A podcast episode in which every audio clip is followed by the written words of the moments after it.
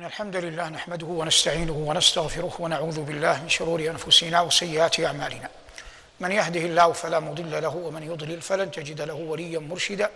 وأشهد أن لا إله إلا الله وحده لا شريك له. وأشهد أن سيدنا ونبينا محمدا عبده ورسوله. صلى الله عليه وعلى آله وأصحابه وعلى سائر من اقتفى أثره واتبع هديه بإحسان إلى يوم الدين. وبعد درس لقاء اليوم عنوانه ثم أنشأناه خلقا آخر آيات من سورة المؤمنون.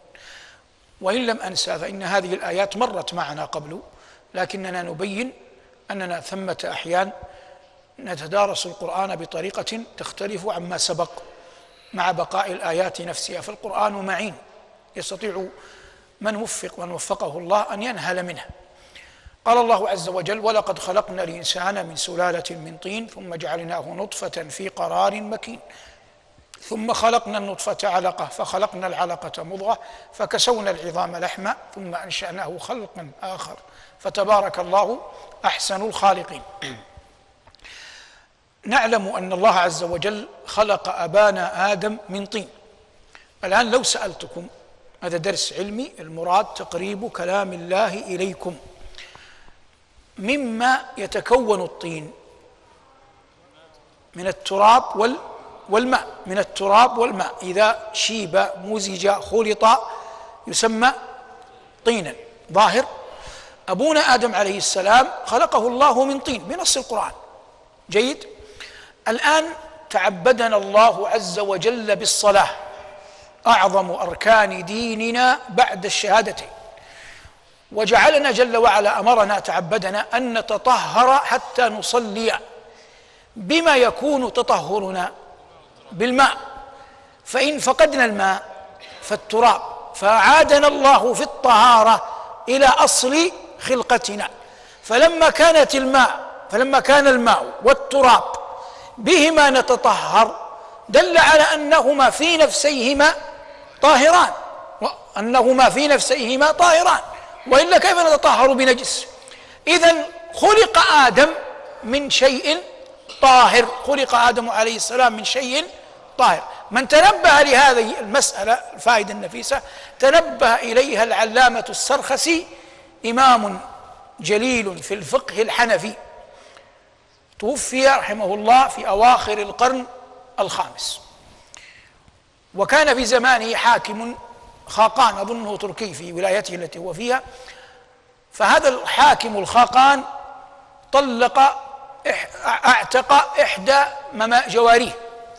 ثم تزوجها قبل أن تنقضي العدة. فأفتاه السرخسي بأنها بأن هذا لا يجوز. لابد أن تتم العدة. فسجنه خمسة عشر عاما. وهو في السجن خمسة عشر عاما أملى كتابه المبسوط؟ وهذا الكتاب موجود اليوم مطبوع في ثلاثين مجلد.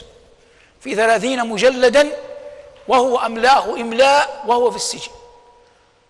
وكان من عجيب أمره. تعرفون أن الفقه أبواب كتاب كذا كتاب كذا. فكان كلما فرغ من كتاب يمليه بما يدعوه إلى أن يفرج الله عنه. قال بعد أن شرح كتاب العبادات قال هذا آخر شرح كتاب العبادات. بأوضح المعاني وأوجز العبارات أملاه المحبوس عن الجمع والجماعات. يتحدث عن عن نفسه.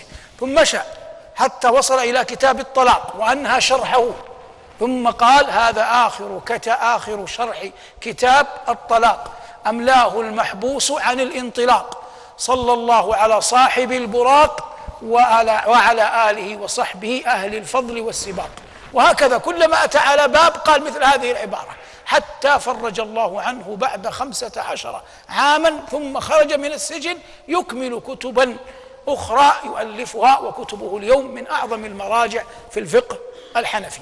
هو أول من تنبه لمسألة المقارنة ما بين الطهارة بالماء والتراب وما بين خلق آدم عليه السلام من التراب والطهار من التراب وال من الماء والطين من الماء والتراب الذي هو الطين وتبعه بعد ذلك الأئمة ينقلون عنه رحمة الله تعالى على الجميع. قال الله ولقد خلقنا الإنسان من سلالة من طين سل السيف بمعنى أخرج من من غمده فآدم عليه السلام خلق من ماء وطين من ماء وتراب من طين. وأول ما خلق الله عز وجل ابانا آدم تركه ما شاء الله أن يتركه بمعنى قبل أن تنفخ فيه الروح. كان إبليس يومها في الملأ الأعلى في السماء مع الملائكة. فأخذ يطيف حوله. وآدم عليه السلام ستون ذراعا ستون ذراعا. فلما رآه أجوف. لما رأى إبليس وآدم أجوف هذا نص الحديث. علم أنه لا يتمالك. واختلف الشراح في معنى لا يتمالك. لكن من أقرب الشرح لها المعنى تقريب المعنى أنه يمكن أن يغلب يتسلط عليه الغضب الشهوة. وهذا جنس بني آدم. يعني خلق ضعيفا والله يقول وخلق الإنسان ضعيفا وهذا من ضعف بني آدم. وقال أي إبليس لئن سلطت عليه لأهلكنه. لئن سلطت عليه لأهلكنه ودخله الحسد على أبينا آدم من ذلك اليوم. ولعلنا نرد يعني نهيئ لقاءنا عن الحسد عياذا بالله لكن دعونا الآن في هذا الأمر. ثم نفخ الله فيه من روحه. فالآية تتحدث عن أطوار خلق بني آدم. الطور الأول يتحدث عن أبينا آدم وحده. ولقد خلقنا الإنسان من سلالة من طين ثم جعلناه هذا خلق الناس بعد من؟ بعد آدم ثم جعلناه نطفة في قرار مكين ما القرار المكين؟ مشايخ إنا لله النطفة النطفة أين تذهب؟ وين تستقر؟ في الرحم القرار المكين هو الرحم ثم جعلناه نطفة في قرار مكين. هذه النطفة من صلب الرجل وترائب المرأة من صلب الرجل وترائب المرأة. الله جل وعلا يقول خلق من ماء دافق يخرج من بين الصلب والترائب. وإن كان يعني هذه وإن من بين الصلب والترائب أتعبتنا. فيها أكثر من ستة وثلاثين قولا للعلماء. الذي يعنينا من صلب الرجل وترائب المرأة.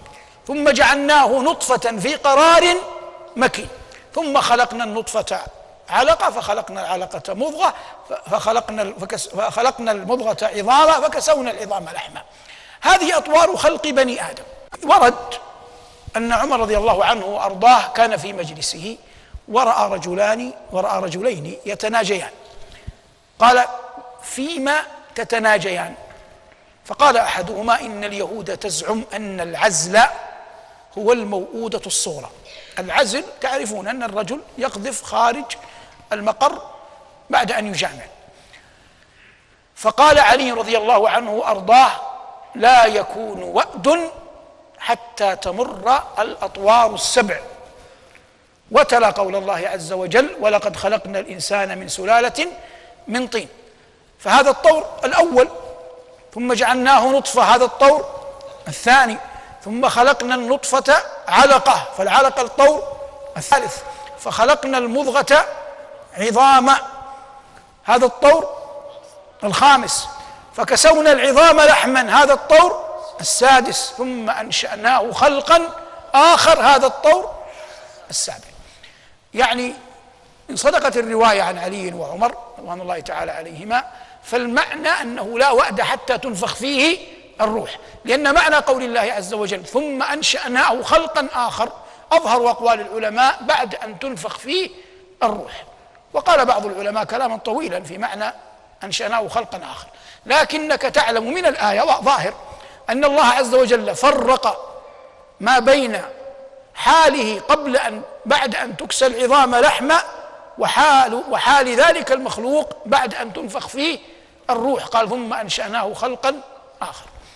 ورد عن الإمام أبي حنيفة رحمة الله تعالى عليه وأبو حنيفة يعني نحبه لعقله. يقول القاعدة عند العلماء أن الغاصب غير السارق الغاصب إذا غصب شيئا يرد عين ما غصب. واضح؟ إنسان غصب سيارة جاء لرجل استضعفه ألقاه أخذ سيارته بلغ عنه جاءت الشرطة ترد عين السيارة. ظاهر؟ يقول أبو حنيفة لو أن رجلا غصب بيضة غصب بيضة عنده جار يتكلم عن الزمان القديم فجاء صفع جاره أخذ البيضة لأن ليست سرقة السرقة فيها حد ما يدخل فيها أحد فأخذ البيضة ثم وضعها مع دجاجه الدجاج بفتح الدال وضعها مع دجاجه ثم إن هذا الدجاج البيضة فقست. فجاءت بفرخ صغير. فهل ترد يرد الفرخ؟ قال أبو حنيفة لا يرد الفرخ لأن الفرخ غير غير البيضة. لما يا أبا حنيفة؟ قال لأن الله يقول ثم أنشأناه خلقا آخر ثم أنشأناه خلقا آخر. فلا ترد البيضة لكن ماذا يرد؟ لم نجد جوابا عنده رحمة الله تعالى عليه يعني فيما اطلعنا عليه. لكن في نظرنا أنه يرد الفرخ لأنه لا ينبغي أن يستفيد مما صنع لأنه غصب الرجل بيضته. وهذا يأتي على حديث النبي عليه الصلاة والسلام يقول ليس لعرق ظالم حق ليس لعرق ظالم حق. والمعنى ليس لذي عرق ظالم حق. يقولون العلماء إن عرقنا مضاف إليه لمضاف محذوف. مضاف إليه. يعني معنى لذي عرق ظالم. والمعنى أن الإنسان لا يستحق بقوته بغصبه بظلمه لأحد حقا كائنا من كان. هذا معنى الحديث ليس لذي عرق ليس لعرق ظالم حق. هذا تخريج على الآية. نأتي للآية ولقد خلقنا الإنسان من سلالة من طين ثم جعلناه نطفة في قرار مكين ثم خلقنا النطفة علقة فخلقنا العلقة مضغة فكسونا العظام لحمة ثم أنشأناه خلقا آخر فتبارك الله أحسن الخالقين. فتبارك الله أحسن الخالقين. يقول العلماء إن خلق هنا بمعنى قدر ليس بمعنى الخلق المعروف. خلق بمعنى قدر. وقالوا إن العرب تعرف هذا في كلامها والحق أن العرب تعرف في كلامها أن خلق تأتي بمعنى قدر في شعر في شعر مية بن أبي الصلت وغيره. لكن العموم ولا يعني ذلك أن هناك خالق غير الله قطعا لا خالق غير الله لكن الآية سيقت في سياق تعظيم رب العالمين جل جلاله. لكنك إذا انتهيت هنا تشعر بالعظمة لله جل وعلا. الله ختمها بقوله فتبارك الله أحسن الخالقين ماذا قال رب العزة بعدها؟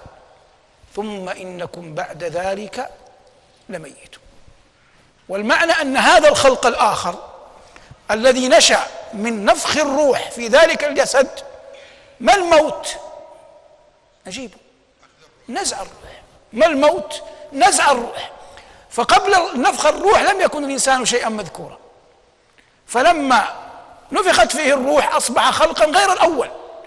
فإذا نفخ نزعت منه الروح. عاد للخلق الأول عاد للخلق الأول تنزع منه الروح لكن الروح تعود على الصحيح للميت حال قبره. وارتباط الروح بالجسد له أحوال. حال وهو جنين وحال وهو حي وحال وهو في البرزخ وأكمل أحوالها وهو في الجنة جعلنا الله وإياكم من أهلها أو عياذا بالله من كان في النار أعاذنا الله وإياكم من النار. لكن الله يبين لعباده ضعفهم قال الله ثم انكم ثم إنكم بعد ذلك لميتون. وبينا أن الروح نزع أن الموت نزع الروح من الجسد. يقول العلماء هذا مر معنا الروح ليس لها مكان معين في الجسد. ليس لها مكان معين في الجسد. تنتشر في الجسد كله. وهذا بعض ما يعلمونه عن الروح وإلا الله قال الروح من أمر ربي. لكن الذي يظهر إن الروح منتشرة في جميع الجسد. فإذا جاء ملك الموت ينزعها تخرج من الجسد كله ويبدأ اليبس في العظام كأنه يبدأ من الأدنى والعلم عند الله حتى ينتهي الأمر إلى الحلقوم. لأن الله قال فلولا إذا بلغت الحلقوم. تخرج الروح من غير أن نراها من الفم وتصعد إلى السماء. فإذا صعدت كأن ذلك الجسد يريد أن يودعها شاء أم أبى فيلحظها ببصره. قال عليه الصلاة والسلام إن الروح إذا صعدت تبعه البصر. ولذلك ماذا يشرع؟ تغميض عيني الميت. أول ما يموت تغمض تغمض عينيه. فيشرع تغميض عيني الميت. فيتبعه البصر. ثم تصعد الروح إلى خالقها إلى بارية كانت طيبة كانت غير طيبة. المقصود خروج الروح من البدن. ثم ربنا عز وجل والعلم عنده كيف يتم ذلك يعيد الروح إلى إلى الجسد. ليتمكن ذلك الميت من إجابة الملكين. ثبتنا الله وإياكم بالقول الثابت في الحياة الدنيا. والآخرة. وأعاذنا الله وإياكم من الضلالة والعلم عند الله. وصلى الله على محمد وآله والحمد لله رب العالمين.